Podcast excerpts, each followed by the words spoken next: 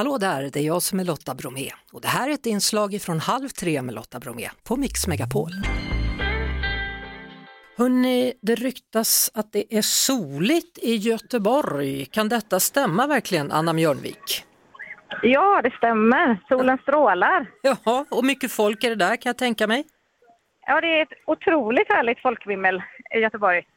Det är ju så här att Göteborgs kulturkalas då har funnits i ja, cirka 30 år i olika skepnader men efter då en pandemi-edition i fjol så är ni nu tillbaka då med full fart den här helgen.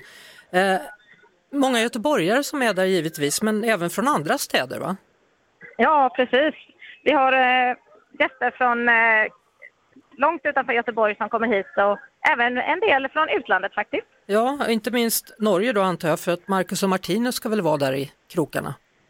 Ja, precis. Jag träffade ett gäng i morse som hade eh, åkt från både Norge och Danmark för att eh, se på Marcus och Martinus konsert ikväll på Kungsträdgården klockan sex. Så de eh, var där 12 timmar innan start. Ja, eh, det här är ju en festival då som pågår på flera platser i Göteborg. Familjer har till exempel då ett stort område i Slottsskogen och sen på Packhuskajen är tydligen dansbandsscenen tillbaka. Hur känns det? Jo, men det är ju jätteroligt. Jag var där förbi en sväng igår kväll och det var fullt med folk som dansade och var väldigt glada för den här comebacken. Det har varit en väldigt eh, uppskattad programpunkt på Kulturkalaset i många år, så jättekul. Så Och där- ikväll är det dans där igen då. Ja, med, och då är det tillåtet att gnussa numera? Ja, vad sa du? Det är tillåtet att gnussa numera sa Ja, men jag. tror det. Ja. Du, eh, tidigare idag så avgjordes SM i street food. Vem var det som vann? Ja, det var ju en eh, food truck som faktiskt var från just Göteborg som hette Nennas food truck.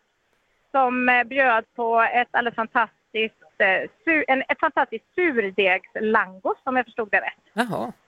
Ja. Och sen så kan man också på den här festivalen då smaka framtidsmat. Vad är det för något? Ja men precis. Det, jag är faktiskt i Bältesbannaparken just nu och ska göra just detta. Jag har fått en, en eh, crispy burger eh, serverad här som jag ska provsmaka. Det är en eh, hamburgare som är framställd på ett svampprotein. Eh, den är skapad och liksom bryggd på ett svampprotein och så är den tillverkad på det sättet. Så eh, det ska jag prova och äta här. Ja, det kan du göra. Tar du en tugga nu eller? Ja men eh, jag kan, jag kan göra det. Ett ögonblick bara. gör det du. Det blev jag bara tar tag i den. Ja, ska vi se. Då kommer det snart en crispy burgare då gjord av svampprotein. Mm. Ja, den var krispig. Ja, vet du vad jag trodde? Mm. Jag, tro, jag trodde att det skulle vara typ så här, vet, en krispig burgare av gräshoppor eller sånt, för det ska ju också Ja. vara framtidsmat sägs det. Ja, precis. Men det här är ett svampprotein och ehm, mm, den var jättegod. Ja. Det var väldigt bra konsistens. Ja, vad bra. Eh, Mix Megapol har ju också en sensommarscen då med artister som Oliva Lobato, Linnea Henriksson och Arvingarna på scen. Och våra kollegor i Göteborg de börjar klockan 18 och håller på fram till 20. Men du, du får äta vidare där på din svampburgare, Anna Mjörnvik. Ja, det ska jag göra. Ja, och fortsatt trevlig, härlig kväll och helg i Göteborg då. Ja, men tack så hjärtligt. Vi hörs såklart på Mix Megapol varje eftermiddag vid halv tre. Ett poddtips från Podplay. I fallen jag aldrig glömmer djupdyker Hasse Aro i arbetet bakom några av Sveriges mest uppseendeväckande brottsutredningar.